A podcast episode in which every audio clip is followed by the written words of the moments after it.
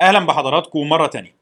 في الفيديوهات اللي فاتت إحنا اتعرفنا مع بعض على بدايات الشقاق ما بين المستوطنين البريطانيين في المستعمرات الموجودة في الولايات المتحدة حاليا وما بين الحكومة البريطانية. وشفنا إزاي اتسبب قانون ضريبة السكر في تصاعد الغضب الشعبي ضد الحكومة البريطانية. النهاردة إن شاء الله هنكمل كلامنا علشان نتعرف على قانون الدمغة وإزاي اتسبب القانون ده في اشتعال الصراع ما بين الطرفين. خليكم معنا. قانون السكر تم إقراره يوم 5 أبريل سنة 1764 وطبعا إحنا اتكلمنا في الفيديو اللي فات عن إزاي القانون ده تسبب في جدل وغضب كبير من المستوطنين في المستعمرات البريطانية في أمريكا. لكن زي ما قلنا الغضب ده في الأغلب كان موجه تجاه قيمة الضريبة والتوقيت بتاعها مش تجاه مبدأ فرض الضرائب نفسه. أي نعم كان في بعض المفكرين والشخصيات البارزة في المستعمرات بيناقشوا الموضوع من جوانب قانونية من حيث المبدأ نفسه وهل يحق للحكومة البريطانية في لندن فرض ضرائب على المستعمرات ولا لا؟ ناس زي صامويل آدمز مثلا. لكن الحقيقة أن النقاشات دي تحديدا فيما يتعلق بقانون السكر كانت نقاشات نخبوية إلى حد كبير. يعني كانت نقاشات قاصرة على المفكرين والناس المتعلمين. أما عامة الشعب فكان كل ما يعنيهم هو العبء الاقتصادي الجديد اللي بتمثله الضريبة دي. وعلشان كده بالرغم من حالة عدم الرضا والاستياء ما بين المستوطنين بخصوص الضريبة دي إلا إن الموضوع عدى. إنما اللي تسبب فعلا في خلق مشكلة أكبر بكتير هو الأنباء اللي بدأت تتردد مع نهاية العام بخصوص مشروع قانون جديد البرلمان البريطاني بيفكر في فرضه على المستعمرات. القانون ده اللي هو قانون الدمغة. إيه بقى القصة دي؟ زي ما قلنا إنه مع انتهاء حرب السنوات السبع الحكومة البريطانية قررت إن هي تسرح جزء كبير من الجيش بتاعها بهدف توفير النفقات. لأن خلاص ما بقاش في حرب. فمش منطقي إننا نصرف على جيش ضخم وإحنا مديونين وإحنا في حالة سلام. ولكن بالرغم من إن ده كان الاتجاه العام إلا إن كان في بعض الاستثناءات. تسريح الأعداد الضخمة دي كان هيخلق مشكلة بطالة كبيرة في بريطانيا. وكان في أعداد ضخمة من الضباط البريطانيين عجبتهم الحياة العسكرية ومرتاحين فيها. فكرة إن الضباط دول كلهم هيتم تسريحهم ما كانتش مرضية للضباط دول. وأغلب الضباط دول كانوا من أسر لها نفوذ واتصالات قوية في لندن. وكان عندهم علاقات قوية مع أعضاء البرلمان البريطاني. ومع تصاعد الضغوط على أعضاء البرلمان البريطاني البرلمان بيقرر إن هو يحتفظ بقوات عسكرية في عدة أماكن. من ضمنها كانت المستعمرات البريطانية في أمريكا اللي بيتقرر إنهم هيحتفظوا فيها بقوة من الجيش البريطاني عددها 10000 جندي تقريبا. طيب الفكرة إنه كده الضباط دول تم ترضيتهم ولكن قرار الاحتفاظ ب 10000 جندي في أمريكا كان بيخلق مشكلتين. المشكلة الأولى هي المبرر والدافع لوجود القوات دي. هنحتفظ ب 10000 جندي ليه هناك؟ فالبرلمان بيقول إن دول استعدادا لأي مشاكل تانية وعلشان نمنع أي حروب قادمة. طبعا كان مبرر سخيف خصوصا مع رحيل الفرنسيين. ولكن حرب بونتياك كانت مبرر البرلمان اتعلق فيه علشان يوجد الحاجة لوجود العدد ده. لكن المشكلة التانية والأهم كانت متعلقة بالتمويل. هنصرف منين على عشر تلاف جندي؟ العدد ده كان محتاج تمويل سنوي يقدر ب 225 ألف جنيه استرليني. والحكومة البريطانية اللي كانت مديونة ب 133 مليون جنيه ما كانتش مستعدة تقترض مليم زيادة. اللي هيقترح أي خطة محتاجة لتمويل لازم يشوف حل للتمويل ده ويقول لنا هيجي منين. طبعا هنا كان واضح إن التمويل ده مش هيجي إلا عن طريق فرض ضرائب جديدة. فكرة فرض ضرائب جديدة على المواطن البريطاني اللي عايش في بريطانيا كانت من رابع المستحيلات. البريطانيين كان فاضل لهم تكة ويعملوا ثورة على الحكومة بسبب الضغوط الاقتصادية اللي ترتبت على الحرب وضغطت عليهم جدا. وهنا أنظار البرلمان بتتجه ناحية المستعمرات. مش العشر تلاف جندي دول هيتمركزوا في المستعمرات علشان يحموها؟ طيب مدام هم هيحموا المستعمرات دي يبقى المستعمرات تدفع طيب إزاي المستعمرات دي هتدفع؟ البرلمان البريطاني بيقترح إن يتم إضافة ضريبة دمغة على أي أوراق رسمية بتصدر في المستعمرات. للي مش فاهم يعني إيه دمغة أحيانا الحكومات بتفرض إن الأوراق الرسمية يكون عليها ختم معين أو طابع معين ملزوق عليها أو تكون معمولة على نوع ورق معين علشان الأوراق دي تكتسب الصفة الرسمية ويعتد بيها. الحكومة بتيجي هنا تفرض رسوم على الختم ده أو تبيع الطابع اللي بيتلزق ده أو تبيع الورق المخصوص ده. طبعا بتبيعه بأعلى من قيمته الفعلية. يعني لو الورقة ثمنها الفعلي جنيه والحكومة باعتها ب 10 يبقى الحكومة جمعت ضريبة قيمتها 9 جنيه عن كل ورقة. النوع ده من الضرائب هو نوع شائع جدا. والميزة بتاعته هي سهولة تحصيله وانخفاض النفقات المتعلقة به من جانب الحكومة. يعني مثلا لو الحكومة فرضت ضريبة على الأراضي أو على الأطيان لازم موظفين ينزلوا يحصروا الأراضي ويثبتوا ملكيتها ويلفوا على الناس يجمعوا منهم الفلوس واللي ما يدفعش يعاقبوه. وبالتالي بيتصرف كتير جدا على الموظفين دول وعلى عملية جمع الضريبة. كل دي في الآخر بتبقى نفقات غير مباشرة بتتحملها الحكومة في سبيل جمع الضريبة دي. ولكن بالنسبة لضريبة الدمغة بيبقى فيه موظف أو وكيل عن الحكومة قاعد في مكانه. واللي محتاج مثلا إن هو يرفع قضية في المحكمة هو اللي بيروح لغاية عند الموظف ده أو الوكيل ده يشتري منه الورقة دي ويدفع ثمنها علشان يقدر يخلص المصالح بتاعته. البرلمان البريطاني بيقرر إنه هيعمل قانون يتم بموجبه فرض ضريبة دمغة على أي أوراق رسمية هتصدر في المستعمرات. بل وبعض الأوراق غير الرسمية كمان. قال لك أي أوراق هتتقدم للمحاكم هيتفرض عليها الضرائب دي. طبعا قيمة الضريبة هتختلف حسب نوع الورقة ولكن في النهاية كله هيندفع عليه. وبالإضافة لكده كان في تشكيلة منوعة من المطبوعات اللي هيتفرض عليها الضريبة دي بدءا من المجلات والصحف والنشرات الدعائية وليس انتهاء بورق الكوتشينة. أي حد عايز يطبع أي حاجة من دي هيبقى مجبر بموجب القانون الجديد إنه يدفع مقابل الورق اللي عليه الختمه أو الدمغة دي. واللي طبعا هيبقى أغلى بكتير من قيمته الفعلية لأن الحكومة البريطانية هتحصل الفارق في السعر كإيراد الضريبة. طبعا الموضوع ده بيثير غضب واستنكار المستوطنين البريطانيين بشدة. من ناحية كان في استنكار موجه لفكرة الاحتفاظ بجنود بريطانيين دائمين في المستعمرات وتمويلهم من جيوب المستوطنين خصوصا وإن مفيش أي حروب متوقعة في المستقبل القريب على الأقل. يعني ببساطة دي نفقات وأعباء مالية مفيش أي جدوى أو استفادة منها. ومن ناحية تانية كان في اعتراضات على العبء المالي الجديد اللي هيضاف على عاتق المستوطنين. وإن العملية أصلا مش مستحملة لما هتدفعونا فلوس على كل حاجة تقريبا. بس الحقيقة إن دي ما كانتش الاعتراضات الأساسية. الاعتراض الأساسي كان بيبص للموضوع من حيث المبدأ من حيث هل من حق الحكومة إن هي تفرض ضريبة علينا ولا لأ. بس ليه؟ اشمعنى المرة دي؟ طيب ما قانون السكر كان برضه ضريبة وبرضه كان عبء مالي. لكن الناس كانت متقبلة المبدأ. الاعتراض كان على التفاصيل. اشمعنى المرة دي اعترضوا على المبدأ نفسه؟ الفكرة إنه ببساطة في ضريبة السكر كان بيتم فرض الضريبة على سلعة مستوردة اللي هي العسل الأسود أو المولاس. وبالتالي كانت تعتبر نوع من الجمارك مش الضرائب أو نوع من الضرائب اللي بيسموها الضريبة الخارجية. وده مبدأ ما كانش فيه خلاف كبير عليه في المرحلة دي.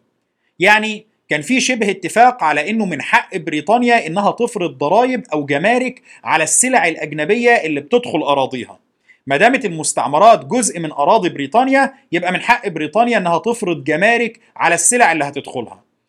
آه مش كل الناس كانت متفقة مع الفكرة دي ولا مع التوقيت بتاعها ولا مع تفاصيلها. بس نقدر نقول إن المبدأ نفسه ما كانش عليه خلاف كبير. أما بالنسبة لقانون الدمغة فالوضع كان مختلف. دي كانت ضريبة مباشرة على المستوطنين البريطانيين وعلى أنشطة بتتم بشكل كامل وحصري داخل المستعمرات. الموضوع هنا ما بقاش فيه جمارك ولا دول أجنبية ولا سيادة بريطانيا ولا الكلام ده خالص. الموضوع هنا بقى ببساطة هل من حق الحكومة في لندن إنها تمد إيدها في جيوب المستوطنين بدون إذنهم ولا لا؟ وهنا الإجابة عند المستوطنين كلهم تقريبا كان عليها شبه إجماع. إنه لا مش من حق الحكومة البريطانية إنها تعمل كده. المستوطنين البريطانيين طبقا للمراسيم الملكية اللي تم بموجبها إنشاء المستعمرات هم مواطنين بريطانيين يتمتعوا بكل حقوق المواطن البريطاني. وأبسط حق معترف به للمواطن البريطاني هو إنه ما يتمش فرض ضريبة عليه إلا من خلال ممثلين عنه اللي هم البرلمانات المنتخبة. وطبقا للمبدأ ده سكان المستعمرات كانوا شايفين إن اللي من حقه يفرض عليهم ضرائب هي المجالس التشريعية بتاعة المستعمرات مش برلمان لندن. رئيس وزراء بريطانيا في الوقت ده كان اسمه جورج جرانفيل. راجل بيقر ليهم بالحق في التمثيل. وبيقول لهم فعلا أنتم مواطنين بريطانيين والمواطن البريطاني ما ينفعش يتفرض عليه ضرائب بدون تمثيل. ولكن أنتوا فعلا ممثلين في البرلمان البريطاني تمثيل افتراضي. قالوا له يعني إيه تمثيل افتراضي؟ قال لهم هو مين اللي بينتخب أعضاء البرلمان البريطاني؟ اللي له الحق في الانتخاب مش أي مواطن بريطاني لكن في الوقت ده كان أي مواطن بريطاني عنده حد أدنى من الممتلكات أو من الأراضي. إشمعنى دول بس اللي ليهم حق الانتخاب؟ لأن وجود البرلمان في حد ذاته كان الهدف الأساسي منه وقتها هو إقرار الضرائب. وبالتالي المنطقي إنه الناخبين اللي يختاروا أعضاء البرلمان يكونوا هم نفسهم دافعي الضرائب. وعلشان كده كان في حد أدنى من الممتلكات أو من الأراضي علشان نضمن إن الشخص ده بيدفع بالفعل ضرائب. ولكن كده اللي ما بيملكوش أراضي وضعهم إيه؟ ما هو ممكن الضرائب دي تمسهم برضه زي ضريبة الدمغة اللي إحنا لسه متكلمين عنها. لو مواطن ما يملكش أي شيء حب إن هو يرفع قضية هيدفع ضريبة الدمغه وبالتالي هو دفع ضرائب أهو بدون تمثيل. بس هنا قال لك لا. في الحالة دي الأشخاص دول ممثلين تمثيل افتراضي. نفس النواب اللي اختارهم الملاك وأصحاب الأراضي هيبقوا بيمثلوا باقي فئات الشعب حتى اللي ما انتخبهمش. وما دام الموضوع كده يبقى الأمريكان ممثلين تمثيل افتراضي برضه ومن حق البرلمان إن هو يفرض عليهم ضرائب. وهنا في كاتب ومحامي وسياسي من المستوطنين البريطانيين اسمه دانيال دولاني. الراجل بيكتب وثيقة بيرد فيها على مزاعم التمثيل الافتراضي ده. الوثيقة دي بتناقش الاعتبارات القانونية المتعلقة بمدى أحقية الحكومة البريطانية في فرض ضرائب على المستعمرات. دولاني بيقول فيها بوضوح إن مفيش أي روابط ما بين سكان بريطانيا وسكان المستعمرات تسمح بمبدأ التمثيل الافتراضي. وخصوصا وإن النواب اللي بيقروا الضرائب دي في لندن مش هيدفعوها ولا هيتأثروا بيها مطلقا. وده في حد ذاته شيء بينسف فكرة التمثيل الافتراضي من أساسها. الوثيقة دي تحديدا بتلقى رواج غير عادي في أوساط المستوطنين. وبيتم طباعتها في كل المستعمرات تقريبا. وبتبقى هي دي اللي بتمثل الرأي العام في كل المستعمرات البريطانية فيما يخص المسألة دي. المستوطنين بيبقوا كلهم متفقين على مضمون الوثيقة دي وإن مش من حق الحكومة البريطانية فرض أي ضرائب عليهم. لكن بالرغم من عدم تقبل المستوطنين للفكرة قانون الدمغة بيتم إقراره من البرلمان البريطاني يوم 22 مارس سنة 1765 وبيتقرر إنه هيبقى ساري المفعول في بداية شهر نوفمبر من نفس السنة. وبمجرد إقراره ومع انتشار الوعي بخطورة المسألة دي في كل المستعمرات بتبدأ التحركات في كل اتجاه. سكان المستوطنات بيلاقوا إنه قدامهم حوالي ست شهور لحد ما يتم تطبيق القانون ده بشكل فعلي وبيتحركوا في جميع الاتجاهات لمنع تطبيقه. في المرحلة دي بيبدأ المستوطنين يكونوا ما بينهم وبين بعض جماعات منظمة بهدف تنسيق الجهود بتاعتهم والتصدي لظلم الحكومة البريطانية. الجماعات دي اللي هتبقى هي النواة اللي هتسهل لاحقا إشعال شرارة حرب الاستقلال الأمريكية. واحدة من أهم المجموعات دي كان اسمها لجان المراسلين. الهدف الأساسي من اللجان دي كان نشر الأخبار المتعلقة بأي إجراءات حكومية بريطانية جديدة تمس المستعمرات نشر الأخبار دي ما بين المستعمرات وبعضها وما بين المدن المختلفة داخل نفس المستعمرة ومن المدن للمناطق الريفية التابعة لها بحيث إن كل سكان المستعمرات أو أغلبيتهم على الأقل يكونوا عارفين إيه الإجراءات المتوقع إن هي تحصل ومدى تأثير الإجراءات دي عليهم. لجان المراسلين دي كانت بدأت بدايات متواضعة قبل الأزمة دي ولكن دورها كبر جدا وانتشرت خلال أزمة قانون الدمغة. وبتستمر في النمو بعدها وبيكون لها دور مهم جدا في المراحل اللي بتسبق حرب الاستقلال. الفكرة في لجان المراسلين تحديدا إنها كانت منتشرة جغرافيا في كل المستعمرات ال 13 تقريبا وفي كل المدن والمناطق الريفية وده اللي ادالها نوع من التكوين الهرمي القوي جدا واللي بيسمح لاحقا بالحشد والتعبئة السياسية بمنتهى السهولة. الجماعة السياسية التانية اللي ظهرت في نفس التوقيت وبنفس الأهداف تقريبا كانت جماعة اسمها أبناء الحرية. ودول كانوا جماعة أقل تنظيما وأكثر لا مركزية من لجان المراسلين. يعني هنا ما كانش فيه التنظيم الهرمي الواضح والتوزيع الجغرافي اللي لازم يغطي كل مكان لكن أبناء الحرية كان مصطلح فضفاض. أي حد ممكن يطلقه على نفسه.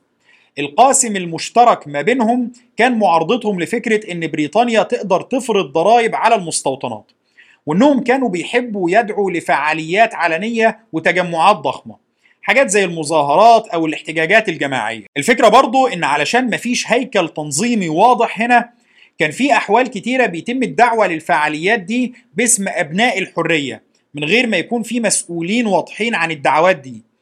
فما بيبقاش واضح مين بالظبط هو اللي بيدعو للتجمع ولا مين المسؤول عنه. وعلشان كده كان بيحصل كتير جدا إن الفعاليات بتاعتهم دي تتحول في النهاية للعنف. وبالإضافة للتجمعين دول كان في تحركات عنيفة واحتجاجات في الشوارع بتحصل في المدن الكبرى في المستعمرات. الاحتجاجات دي أحيانا كانت بتشمل شنق دمية تمثل شخصية معينة. الشخصيات دي غالبا كانت بتبقى المسؤولين عن توزيع أوراق الدمغة وجمع الضريبة لصالح الحكومة البريطانية. طبعا شنق الدمية ده كان نوع من التهديد الواضح وعلشان كده بدأ ناس كتير من اللي كانوا تقدموا للعمل كوكلاء للحكومة في بيع الدمغة وجمع الضريبة ينسحبوا خوفا على نفسهم. أما اللي صمموا منهم على الاستمرار وما فهموش الرسالة من الأول فالجماهير كانت غالبا بتهاجم بيوتهم. ومع انتشار الموضوع ده في أكتر من مستعمرة بينسحب كل الوكلاء دول تقريبا من المشهد. وده اللي بيخلي الحكومة البريطانية ما تلاقيش طريقة تطبق بيها الضريبة دي بشكل فعلي. حتى بعد ما بيكون مفترض إن الضريبة دخلت في حيز التنفيذ. طبعا السلطات البريطانية في المستعمرات ما بيكونش عاجبها اللي بيحصل ده. وبتحاول إن هي تضع مكافآت للي يبلغ عن المسؤولين عن أعمال الشغب دي. لكن مفيش حد بيتقدم ويبلغ بأي معلومة. المسؤولين البريطانيين بيتحركوا للقبض على بعض الشخصيات اللي بيشتبهوا في إنهم بيثيروا الشغب. لكن لاحقا إما إن الناس دول بيتم إطلاق سراحهم لأن مفيش حد قادر إن هو يثبت عليهم تهمة أو الجماهير بتقتحم أماكن احتجازهم وبتطلق سراحهم بالقوة. لكن الحقيقة إنه لحد المرحلة دي مرحلة المظاهرات والاحتجاجات وهجمات الشوارع الموضوع ما كانش واضح هو هينتهي إزاي. خصوصا وإنه مع وصول الأخبار دي لندن البرلمان البريطاني بيشوف إن دي تحركات رعاع. والطبيعي في حالة زي دي كانت إنهم يأمروا المسؤولين بقمع الاحتجاجات دي. دول شوية رعاع وغوغاء. وواضح إن سلطة الدولة هناك ضعيفة بما يكفي إنها تشجعهم. فخلينا نفوقهم ونفكرهم إن لسه في دولة. لكن اللي بينقل الموضوع ده نقلة مختلفة هو قانون الدمغه في التوقيت ده إجمالي عدد المستعمرات البريطانية في قارة أمريكا الشمالية كان وصل ل 18 مستعمرة. دول كانوا بيشملوا 13 مستعمرة اللي هم موجودين على الساحل الشرقي للقارة واللي هيكونوا لاحقا الدولة اللي هتعرف باسم الولايات المتحدة الأمريكية اللي هو إحنا اتكلمنا عنهم قبل كده لما شرحنا نشأة المستعمرات الشمالية والمستعمرات الوسطى والمستعمرات الجنوبية. وكان في معاهم خمس مستعمرات جدد اللي هم بريطانيا قدرت تضمهم تحت سيادتها بعد انتصارها على فرنسا وأسبانيا في حرب السنوات السبع. طبعا اللي يهمنا هنا هو ال 13 مستعمرة اللي هيكونوا دولة الولايات المتحدة لاحقا. دول اللي هنتكلم عنهم هنا ودول برضو اللي هنتكلم عنهم لما نيجي نتكلم عن حرب الاستقلال الأمريكية. وقتها إن شاء الله إحنا هنشرح باستفاضة ليه ال 13 مستعمرة دول بس هم اللي هيطالبوا بالاستقلال مش كل المستعمرات. ولكن الإجابة المختصرة إن ال 13 مستعمرة دول هم الأقدم واللي كان فيهم بنية سياسية واجتماعية ناضجة بما يكفي إنهم يفكروا في الاستقلال ويطالبوا بيه. لكن عموما الفكرة هنا كانت إننا لازم نعمل مؤتمر على المستوى الرسمي ما بين المستعمرات دي علشان نقدر ننسق مع بعض ونوحد جهودنا في مواجهة قانون الدمغة. الدعوة بتنطلق من المجلس التشريعي بتاع ماساتشوستس في شهر يونيو سنة 1765 اللي هو قبل تطبيق القانون بحوالي أربع شهور وبتتبعت لكل المستعمرات البريطانية تقريبا. في تسع مستعمرات بيردوا بالموافقة وفي أربع مستعمرات باقيين من ال 13 مستعمرة ما بيقدروش يبعتوا ممثلين بسبب تدخل الحكام البريطانيين للمستعمرة. لأن المجلس التشريعي المنتخب من السكان علشان ينعقد بشكل رسمي ويتخذ قرارات كان لازم يتم توجيه دعوة له من الحاكم. فالحكام البريطانيين بيتعمدوا عدم توجيه دعوة للانعقاد أو بيتعمدوا إطالة المناقشات بحيث إن المستعمرات دي ما تقدرش تبعت ممثلين عنها في المؤتمر. وطبعا المستعمرات اللي بريطانيا كانت لسه مسيطرة عليها في حرب السنوات السبع ما بتبعتش حد لأن ما بيكونش عندها مجالس تشريعية منتخبة من الأساس. لكن على أي حال في تسع مستعمرات بتبعت ممثلين. ومش أي تسع مستعمرات دول كانوا الأقوى والأغنى والأكثر سكانا. كل مستعمرة بتبعت ثلاث ممثلين عنها وكل واحد من الممثلين دول بيكون عضو منتخب في المجلس التشريعي بتاع المستعمرة اللي هو منها بحيث إن يبقى لهم صفة رسمية لتمثيل سكان المستعمرة. الأعضاء دول كلهم بيتجمعوا في قاعة البلدية في مدينة نيويورك في الفترة من 7 أكتوبر ولحد 25 أكتوبر سنة 1765 طبعا هنا إحنا لازم نفتكر مؤتمر ألباني. اللي اتكلمنا عنه قبل كده واللي قلنا إن هو وإن كان فشل في تحقيق أهدافه وقتها إلا إنه كان النموذج اللي سهل تشكيل مؤتمر زي ده يعبر عن كل المستعمرات وبيتم فيه تنسيق الجهود ما بينهم. في المؤتمر ده الأعضاء بيتناقشوا بخصوص الإجراءات اللي لازم تتاخد. النقاشات ما بينهم ما بتكونش علنية لكنهم في النهاية بيطلعوا بوثيقة اسمها إعلان الحقوق والمظالم. الوثيقة دي بتصدر يوم 14 أكتوبر سنة 1765 بالمناسبة في وثيقة تانية هتصدر بعد حوالي تسع سنين بنفس الاسم ويمكن مشهورة أكتر من اللي إحنا بنتكلم عنها دلوقتي لأنها كانت مرتبطة بحرب الاستقلال الأمريكية. لكن على أي حال الوثيقة اللي إحنا بنتكلم عنها هنا بتناقش 14 نقطة. بتبدأ بالتأكيد على نقاط تمهيدية منعا لأي سوء فهم أو تصعيد. زي إن سكان المستعمرات بيؤكدوا على ولائهم للملك وعلى خضوعهم للبرلمان.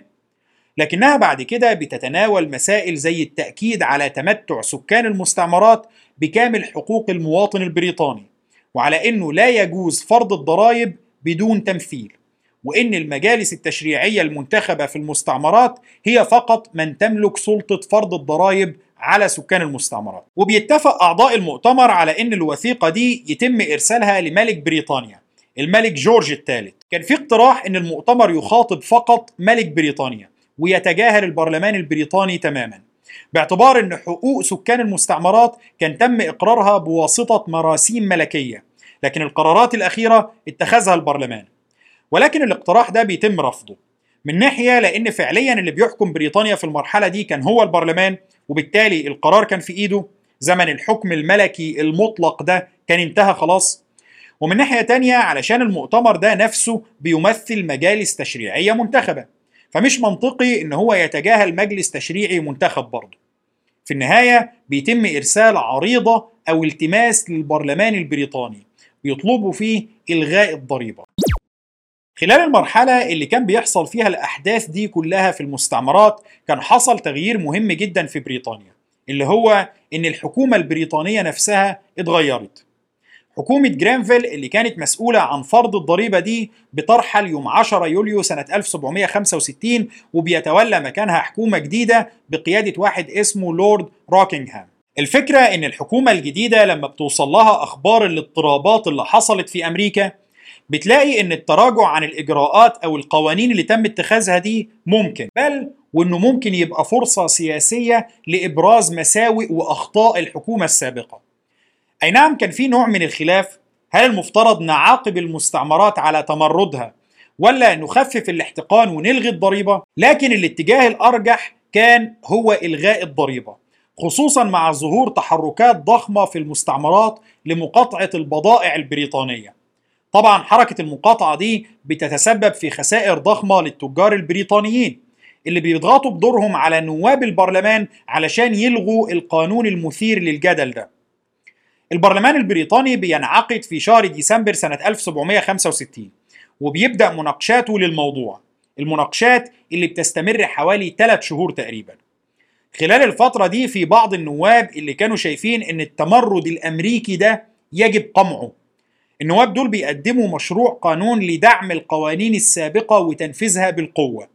ولكن أغلب النواب بيكونوا عاقلين بما يكفي إنهم يرفضوا مشروع القانون ده. في النقاشات دي برضه رجل الدولة البريطاني المهم اللي هو كان رئيس مجلس العموم السابق واللي هيبقى لاحقا رئيس الوزراء ويليام بيت بيؤكد على إن تصرف الحكومة السابقة كان خطأ بالكامل.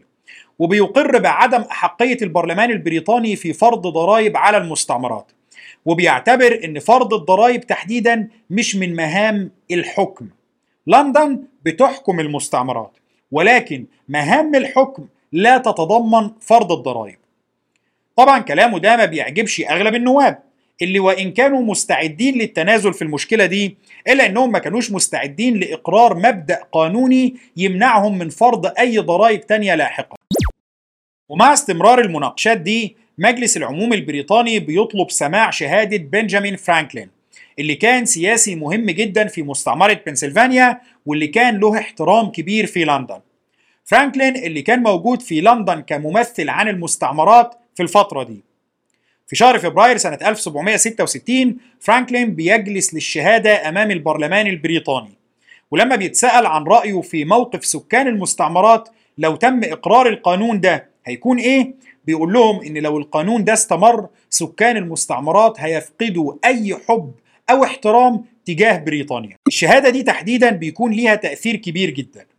يوم 21 فبراير بيتقدم مشروع قانون في البرلمان البريطاني بإلغاء قانون الدمغة. وبالفعل بيوافق عليه أغلب النواب وبيصدق عليه الملك يوم 18 مارس سنة 1766 وبكده بيكون تم إلغاء القانون اللي سبب المشكلة. الموضوع ما بيوقفش لحد هنا.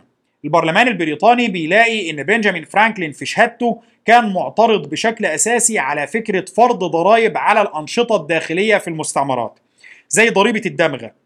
لكنهم بيلاقوا إنه ما بيبديش رفض واضح لفكرة الضريبة على السلع المستوردة زي ضريبة السكر. فبيقرروا إن هم هيعملوا تعديل على قانون السكر بحيث إنهم يخفضوا قيمة الضريبة المفروضة على المولاس من 3 بنسات للجالون إلى بنس واحد وبيتم فرضها على المولاس من أي مصدر سواء جاي من بريطانيا أو جاي من مصدر أجنبي. طبعا التعديلات دي كانت تعتبر انتصار سياسي ضخم جدا للمستعمرات وعلشان كده البرلمان البريطاني كان صعب إن هو يفوت الموضوع ببساطة. في نفس اليوم اللي بيتم فيه إلغاء قانون الدمغة البرلمان البريطاني بيصدر قانون تاني اسمه قانون الإعلان. في القانون ده البرلمان البريطاني بيعلن بوضوح إن من حقه المطلق إنه يشرع قوانين خاصة بالمستعمرات البريطانية. وبيقول إن الحق ده يسري في كل الأحوال مهما كانت. طبعا صياغة القانون ده تحديدا كانت مريبة شوية. فكرة إن من حق البرلمان إن هو يشرع قوانين تخص المستعمرات ما كانش فيه خلاف عليها. لكن فكرة في جميع الأحوال مهما كانت كانت غريبة شوية. أيوه اللي هي يعني إيه جميع الأحوال دي ويعني إيه مهما كانت. البرلمان البريطاني كان بيقر القانون ده باعتبار إنه ماشي إحنا لغينا القانون اللي زعلكم لكن مش معنى كده إننا ما نقدرش نعمل قوانين تانية بعدين. ولكن أغلب المستوطنين بيتجاهلوا النقطة دي لأنها ما جابتش سيرة فرض الضرائب بوضوح. فحتى لو كانت الصيغة تقلق مش هنعمل مشكلة دلوقتي خصوصا بعد انتصار سياسي ضخم زي اللي حققناه ده. المستعمرات بتكون نجحت في العمل مع بعضها بشكل موحد ونجحت في التنسيق ما بينها وبين بعضها ضد البرلمان البريطاني نفسه ونجحت في الحفاظ على مصالحها المشتركة وبالفعل نجحوا في النهاية في تحقيق انتصار في المعركة بتاعتهم دي. ولكن في المقابل تراجع الحكومة البريطانية والبرلمان البريطاني ما كانش معناه تخليهم عن الفكرة. اللي حصل ده كان مجرد بروفا علشان الحكومة البريطانية تحاول تطبقه مرات تانية وبشكل أكثر فجاجة. إزاي ده هيحصل؟ ده اللي هنتعرف عليه في الفيديو اللي جاي إن شاء الله. شكرا لحضراتكم وإن شاء الله نكمل كلامنا الأسبوع اللي جاي.